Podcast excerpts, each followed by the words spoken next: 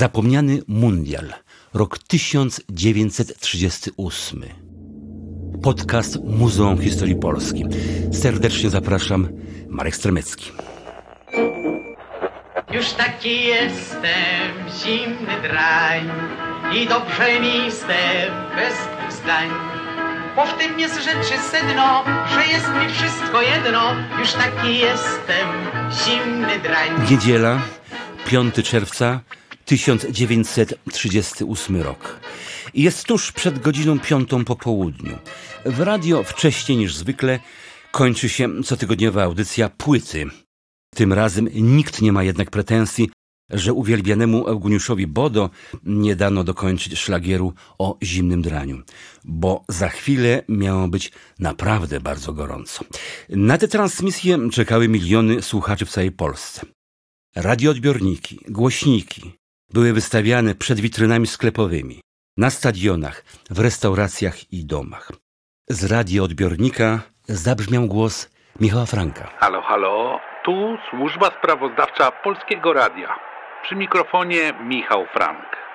Dla polskiej piłki nożnej niedziela 5 czerwca to wielki, historyczny dzień. Będziemy o nim długo pamiętać.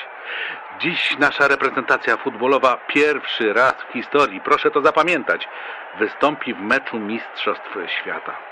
Naszym rywalem będą bardzo mocni piłkarze z dalekiej Brazylii.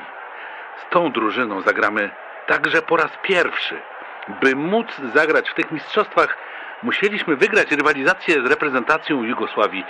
E, pamiętam już pierwsze spotkanie w październiku 1937 roku, czyli nie tak dawno, przyniosło nam wygraną na stadionie Wojska Polskiego w Warszawie 4 do 0.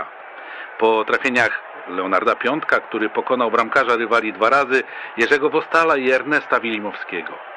W drugim meczu w kwietniu tego roku e, Wprawdzie nasz rywal wygrał, ale tylko 1-0 i to właśnie my, to właśnie Polska zakwalifikowaliśmy się do udziału w tych mistrzostwach. Jesteśmy na Stade de la Menot w Strasburgu we Francji. Trybuny wypełniają się publicznością. Proszę sobie wyobrazić, jak piękny to widok. Widzimy grupy ludzi trzymających w dłoniach chorągiewki w polskich barwach. To naprawdę piękny widok. Wielu z nich to emigranci, którzy tutaj chcą okrzykami, dopingiem wesprzeć nasz zespół. Na trybunie można spotkać wielu znakomitych ludzi, wiele znakomitości. Jest na przykład ambasador Rzeczypospolitej Polskiej, pan Łukasiewicz, ambasador Brazylii, pan Souza, wielu innych przedstawicieli świata polityki.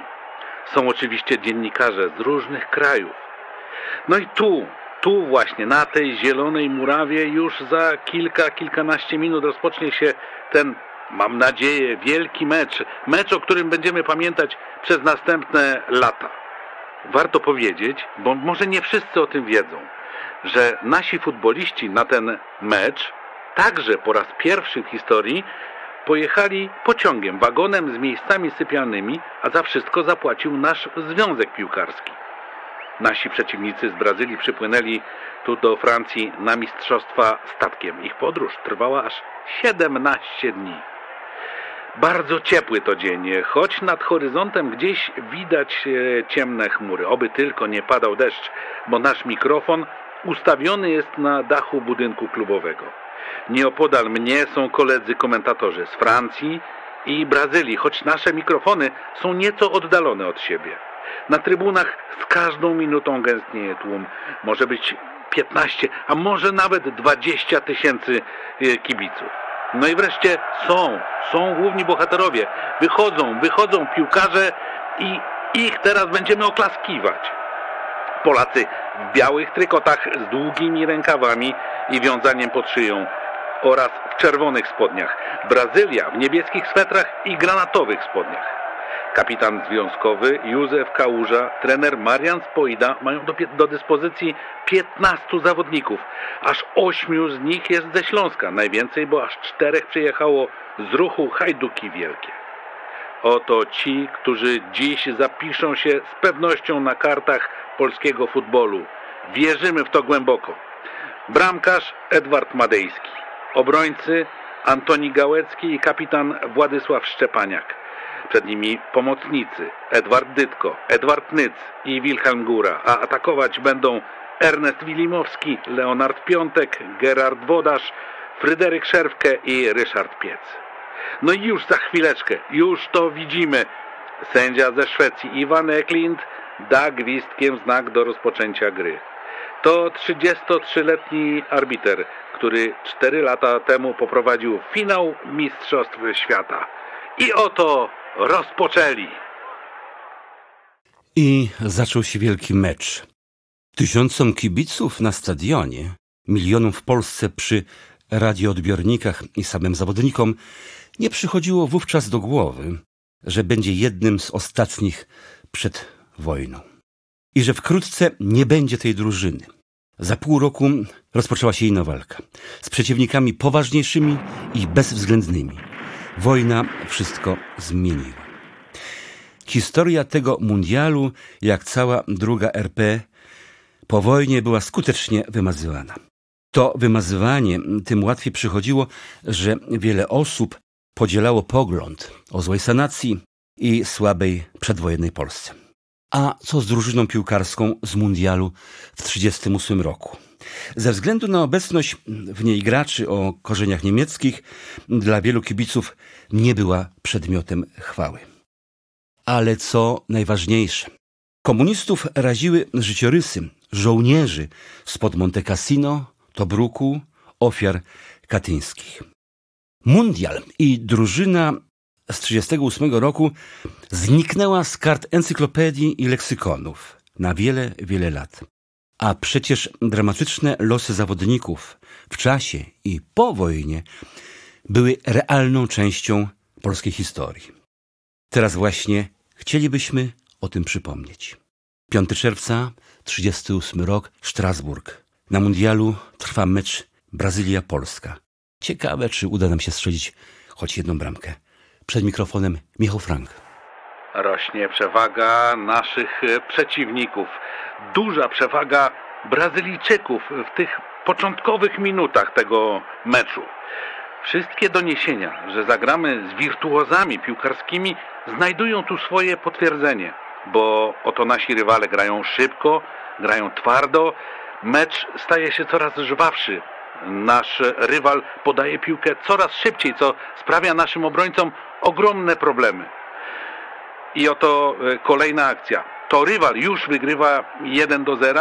Teraz przy piłce nasi reprezentanci. I oto Wilimowski. Popatrzmy, patrzę jak się rusza, patrzę jak biegnie, rusza w stronę pola karnego. Świetnie drybluje rywali. Jest coraz bliżej bramki i uwaga, oto faul. Tak, tak, to faul e, pod nogi naszego piłkarza. Rzucił się bowiem Domingos. On spowodował upadek. E, Iwan Enklint e, wskazuje na rzut karny. To będzie znakomita okazja na pierwszego historycznego gola. Mamy okazję, by strzelić pierwszą bramkę w tej rywalizacji i doprowadzić do wyrównania. Popatrzmy. Piłkę bierze ten, który przyjechał na mistrzostwa zamiast kontuzjowanego Jerzego Wostala. Mówiłem o tym e, Państwu, że e, to piłkarz, który zdobył bramkę w meczu, który dał nam e, awans. To Fryderyk Szerwkę z Warty Poznań, tam w Warcie gra razem z bratem Ginterem, patrzy na bramkarza Batataisa, strzela i oto gol! Fryderyk Szerwkę, no właśnie, był przedwojenną legendą Warty Poznań. Z nią w 1929 roku zdobył Mistrzostwo Polski. Strzelec jakich mało, napastnik z dziewiątką na plecach.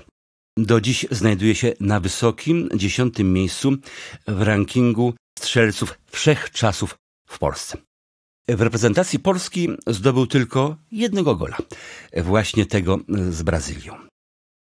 Wrzesień 1939 rok. Szerwkę jako obywatel niemieckiego pochodzenia może grać dalej w piłkę.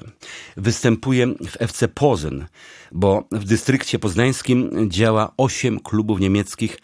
On gra w drużynie kraju Warty. Jak setki Wielkopolan zakłada mundur Wehrmachtu. Czy zdrajca? Dopiero z czasem można się było dowiedzieć, że nie raz i nie dwa pomagał Polakom. Dzięki dostępowi do informacji ostrzegał przed aresztowaniem i dekonspiracją, a także przed wywozem na przymusowe roboty do Rzeszy. Wyciągał ludzi nawet bezpośrednio z transportu. Ta działalność nie umyka uwadze Niemców. Szerwkę podejrzany o zdradę III Rzeszy jest przesłuchiwany. Nie zostaje aresztowany, ale wysłany na front do walki z partyzantami jugosłowiańskimi. Wojnę kończy w brytyjskiej niewoli. Po niej zakłada rodzinę. W Berlinie Zachodnim wraz z synem prowadzi sklep meblowy. W Polsce, to jasne, nikt go nie oczekuje. Szerwkę, strzelec pierwszej bramki dla Polski w historii mundialu. Cóż to za walka naszych obrońców z Leonidasem. Ten prawdziwy mistrz dryblingu coraz częściej daje się naszej obronie we znaki. Czaruje z piłką przy nodze, będąc w wielu elementach futbolowego wyszkolenia prawdziwym mistrzem. Ale to raz po raz nasza obrona odbiera mu piłkę. Znów bardzo dobrze zachował się obrońca łódzkiego klubu sportowego Antoni Gałecki. Znów to my mamy piłkę.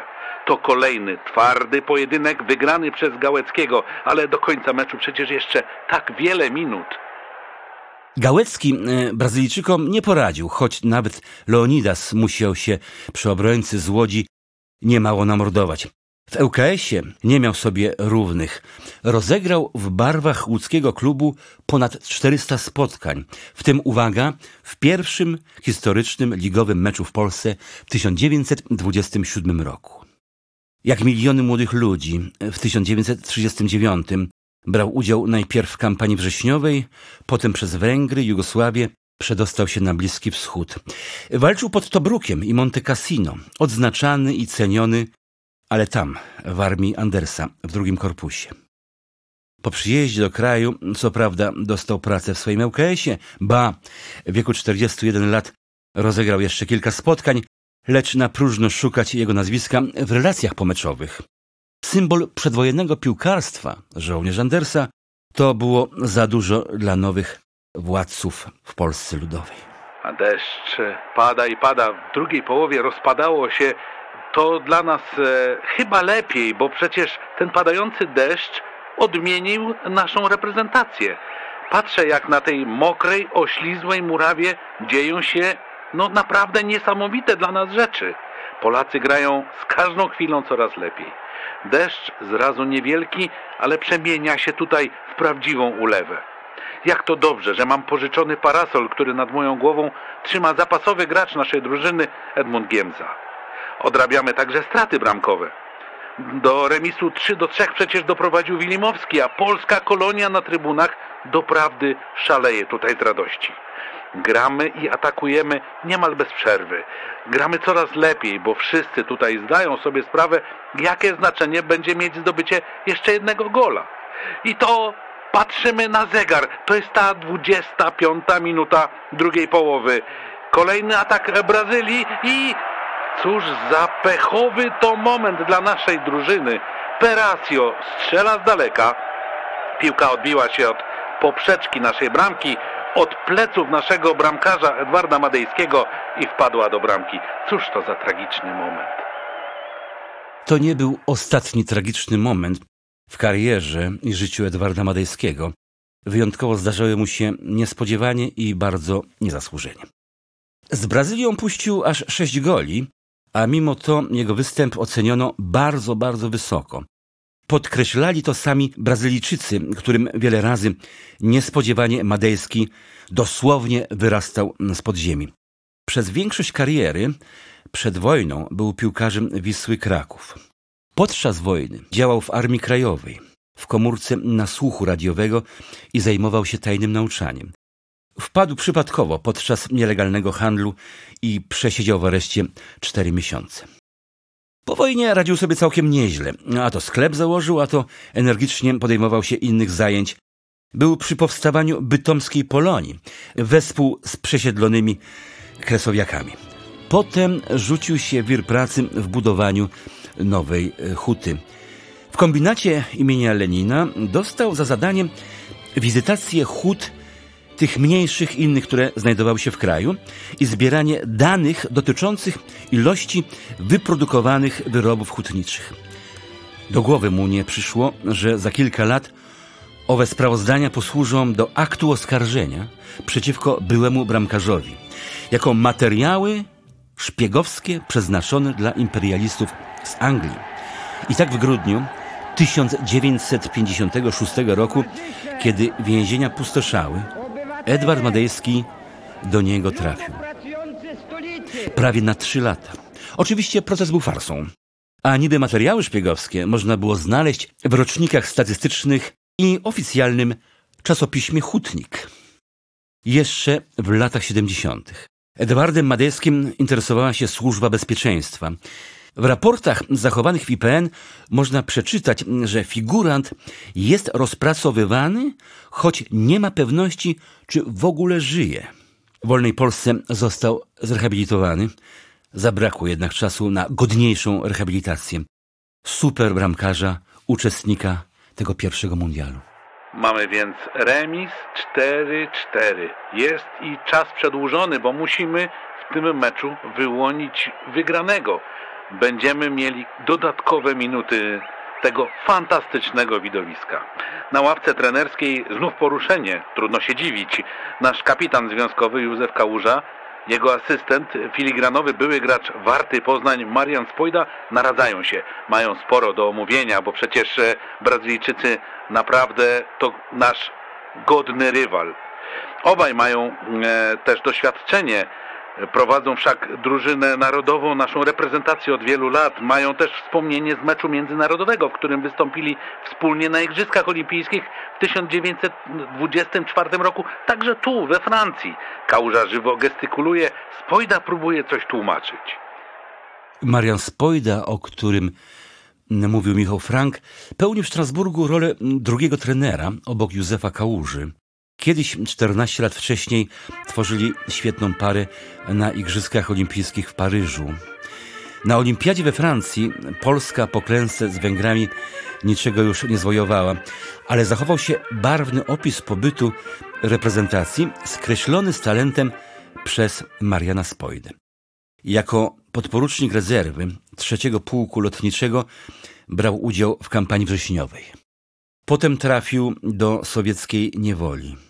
Oprawcy sowieccy szczególną satysfakcję czerpali z mordowania polskich żołnierzy, uczestników bitwy warszawskiej 20 lat wcześniej, zwycięskiej dla Polaków. Traf chciał, że na wiosnę 1943 roku, podczas ekshumacji robionej przez Niemców, odnaleziono ciało polskiego sportowca i trenera ze słynnego meczu z Brazylią. Przy zwłokach był dowód osobisty i legitymacja jego ukochanej Warty Poznań. W 2007 roku minister Aleksander Szczygło Mariana Spojdę mianował na stopień porucznika w trakcie uroczystości Katyń Pamiętamy, uczcijmy pamięć bohaterów. Ach, proszę Państwa, cóż to był za mecz. Jaka to szkoda, że mimo wielu okazji nie udało się ostatecznie naszym przechylić szali zwycięstwa na naszą stronę, bo brylowali dziś i jedni, i drudzy. To było naprawdę wielkie widowisko. Pamiętać będziemy Leonidasa, jakże groźnego dla naszego zespołu w każdej chwili meczu. No i ten niebywały Wilimowski. Cztery gole. Cztery gole, tyle musimy zapisać. Zmysł taktyczny, nawet w ostatniej sytuacji, kiedy zmniejszyliśmy niestety tylko przewagę Brazylii. Przegraliśmy mecz z Brazylią, ale pokazaliśmy prawdziwy hart. Wolę zwycięstwa. Nawet nie wiem, czy mój głos docierał do Państwa, bo nie wiem, jaka była sytuacja na antenie naszego radia. Ale widowiskowe to były zawody. Obfitowały w sytuacje zmieniające się jak w kalejdoskopie i dostarczyły niezwykłych doprawdy emocji. Myślę, że w historii naszego piłkarstwa ten mecz nie ma sobie równych. Dostarczył wszystkim tu na stadionie w Strasburgu niezapomnianych chwil. Ta młoda dość drużyna ma naprawdę duże możliwości. I pewnie, kiedy będą następne mistrzostwa, osiągniemy jeszcze większy poziom naszej gry. I nawet tak wybitni rywale jak Brazylia będą w naszym zasięgu. Jeszcze nie wiemy, gdzie będzie spotkanie najlepszych drużyn świata w 1942 roku. Na razie propozycje złożyli Niemcy, by na ich terenie odbyły się te zawody. Kto wie, może to będzie złoty czas dla naszej reprezentacji? Może zatem spotkamy się na mistrzostwach w Berlinie za 4 lata? Mówił dla Państwa Michał Frank. Do usłyszenia. Ta wypowiedź Michała Franka niesie szczególną dozę dramatyzmu. Wiemy doskonale, że mistrzostwa, w dodatku w Berlinie, w 1942 roku się nie odbyły. Ze stolicy Niemiec płynęło wtedy niepokojowe przesłanie, zawsze związane z wielkimi wydarzeniami sportowymi, a rozkazy niszczenia świata i mordowania, zwłaszcza ludności żydowskiej, całkowicie i ostatecznie. Michał Frank, znakomity dziennikarz, ale także sędzia i lekarz, instruktor sportowy. Po meczu z Brazylią polscy słuchacze zapamiętali trzy nazwiska: Leonidas, Widimowski i właśnie Michał Frank. W czasie wojny lekarz Frank otworzył prywatną praktykę lekarską. W gabinecie razem z członkami Związku Walki Zbrojnej, późniejsza Armia Krajowa, wypisywał fałszywe dokumenty, metryki i akty zgonu. Nieznane są dokładnie okoliczności wpadki. Trafił na pawiak dwukrotnie. W adnotacji z jednej z więźniarek, zachowanej w muzeum na Pawiaku w Warszawie, wynika, że był bity i zmuszany do zeznań na temat innej więźniarki. Nikogo nie wsypał. Po kilkumiesięcznej katordze trafił do Auschwitz, gdzie został rozstrzelany z prawie trzystoma więźniami. E, tę egzekucję opisał rotmistrz Pilecki. Ich ciała spalono w krematoryjnych piecach. W rodzinie zachowało się sporo zdjęć. Niestety nie zachował się jego miły głos, którym przekonywał, że przegraliśmy z Brazylią, ale pokazaliśmy prawdziwy hart i wolę walki. Spłonęły taśmy z polskiego radia, choć kto wie, może gdzieś są, może część z nich chociaż, może ktoś je przechowuje albo o tym nie wie, żeby choć część z nich odnaleźć. A z Brazylią po wojnie spotkaliśmy się jeszcze 11 razy. I tylko raz potyczka skończyła się naszym zwycięstwem. podanie Grzegorz Lato ma obok siebie kapkę, który boi się, żeby spalił. No, idzie teraz Lato, wjeżdża na pole karne, proszę Państwa, gol! Gol! Tak było na mundialu. W 1974 roku w Niemczech, kiedy graliśmy o trzecie miejsce.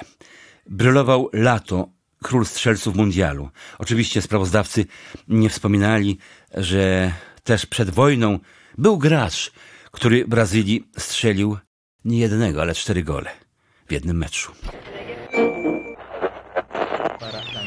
W rolę Michała Franka wcielił się Jarosław Krzoska, a jego sprawozdanie powstało na podstawie relacji prasowych 6 czerwca 1938 roku. Marek Strebecki.